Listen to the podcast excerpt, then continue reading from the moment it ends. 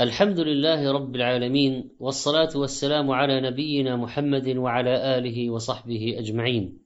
إخواني وأخواتي السلام عليكم ورحمة الله وبركاته. ومع كتاب الله نعيش في صيامنا، ومع آياته نتفيأ ظلالها. قال عز وجل: يا بني آدم خذوا زينتكم عند كل مسجد وكلوا واشربوا ولا تسرفوا إنه لا يحب المسرفين. هذا الصيام فوائده كثيرة ومن ذلك أنه يذكرنا بعدم الإسراف في المطاعم والمشارب فنحن نمتنع عن الطعام والشراب في النهار ولكننا أيضا نتذكر هذه الآية فلا نسرف في الليل. والعجب أن بعض الناس إذا استلم الراتب الشهري فإنه يبادر إلى إنفاقه تقريبا في أول الشهر في شراء الأطعمة والأشربة وتكديسها لماذا؟ أليس من المفترض أننا قد اختصرنا ثلاث وجبات إلى وجبتين؟ أليس من المفترض أننا أحسسنا بهذا الأثر الإيجابي للجوع والعطش؟ لماذا إذا نعمد إلى هذا التنوع الهائل في المأكولات والمشروبات؟ وتنفق الأموال وتهدر على القوائم التي تعطيها ربات البيوت لأزواجهن. أليس الاستعداد لشهر رمضان بالعبادة والعمل الصالح أكثر من الاستعداد لطعام الإفطار والسحور؟ ما معنى حالة الطوارئ التي تعلنها النسوة في البيوت؟ وهل الاعتكاف في المطبخ هو المطلوب؟ نحن نريد أن نثني خيرا على هؤلاء الأمهات والنسوة في البيوت حتى الخادمات اللاتي يقمن بخدمة الرجال والأطفال وأهل البيت بالرغم من تعبهن ونصبهن وجوعهن وعطشهن. ولكننا أيضا نريد أن نذكر الجميع بأن لا يسرفوا. إن الدراسات الاقتصادية والإحصاءات الأسواق المحلية تشير إلى أن ما ينفق على الشراب والطعام في رمضان ثلاثة أضعاف ما ينفق في بقية الشهور. فلماذا؟ والبطن واحد والمعدة واحدة. هل لدينا شره أو سعي لإشباع الشهوة وتعويض ما فات؟ هل صارت القضية تدور على ملء البطن في الليل أليس التزود الحقيقي؟ هو زاد التقوى وقد قال تعالى وتزودوا فإن خير الزاد التقوى واتقون يا أولي الألباب. إن امتلاء الموائد بأصناف متعددة من الأطعمة من مأكولات رئيسية وفاتحات للشهوات ومقبلات وحلويات ومعجنات وأشياء تزيد في كل عام. لأن برامج الطبخ في الشاشات لا تتوقف والتنوع يستمر وهذا السيل الهادر من الكتب والأفكار المتعلقة بمزج هذه الأطعمة للتوصل إلى أطعمة جديدة. إنه مسلسل عجيب. حتى إن أوقات ربات كثير من أهل البيوت تذهب في استعراض هذه الأطباق المتنوعة عبر القنوات. قالت العرب الحمية رأس الدواء والمعدة بيت الداء. وكثرة الطعام سبب للتخمة المفوتة للنشاط في العبادات. كما قال بعض السلف لا تأكل كثيرا فتشرب كثيرا فتنام كثيرا فتحرم كثيرا. ولا شك أن الصوم يساعدنا على التخلص من المواد الزائدة في الجسم والتي تتحول إلى سموم ضارة.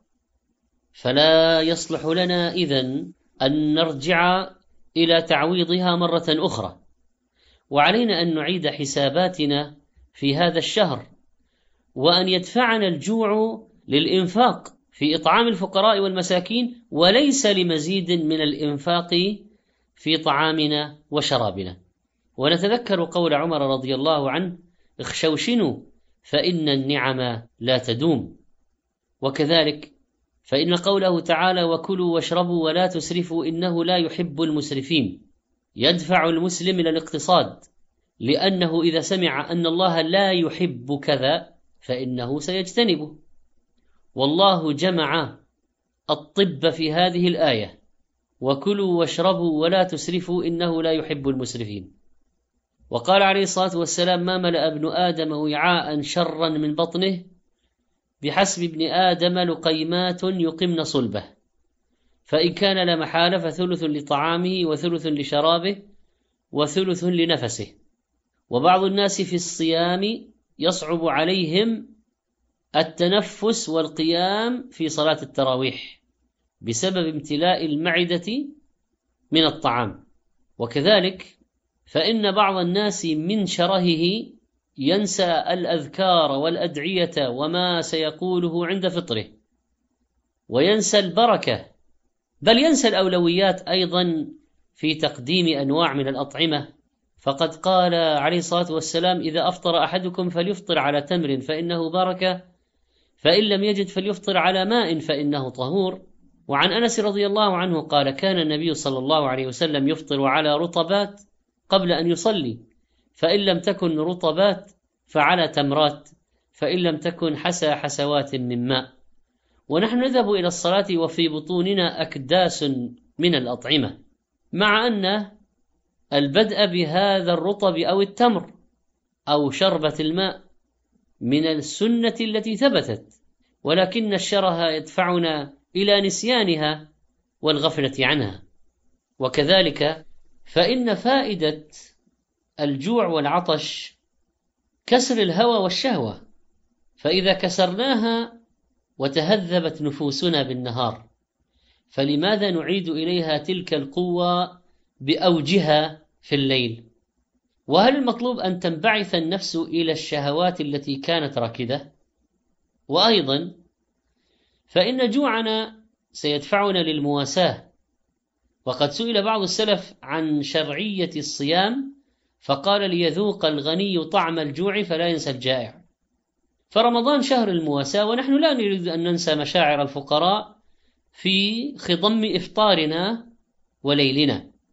بل كان بعض السلف يؤثرون بإفطارهم الفقراء والمساكين وليس لديهم غيره. ويبقون جائعين إلى اليوم التالي. واشتهى بعض الصالحين من السلف طعاما وكان صائما فوضع بين يديه عند إفطاره فسمع سائلا يقول من يقرض الملي الوفي الغني؟ يعني الله عز وجل والإقراض بالصدقة. كما قال تعالى من ذا الذي يقرض الله قرضا حسنا؟ فأجاب فورا عبده المعدم من الحسنات وقام وأخذ الصحفة فخرج بها إلى الفقير السائل وبات وهو خاول وقد تصدق جماعة من السلف بطعام إفطارهم وبقوا جياعا. منهم عبد الله بن عمر وأحمد بن حنبل وغيرهم. وكان الصحابة أصحاب إحساس مرهف في هذه القضية. فهذا عبد الرحمن بن عوف يؤتى بطعام إفطاره وفيه صنفان فقط فيبكي. فيسأله أهله ما يبكيك. فيقول تذكرت مصعب بن عمير مات يوم مات ولم نجد ما نكفنه به إلا بردة. إذا غطينا رأسه بدت قدماه وإذا غطينا قدماه بدا رأسه. ونحن اليوم نأكل من هذه الأنواع وأخشى أن نكون قد عجلت لنا طيباتنا.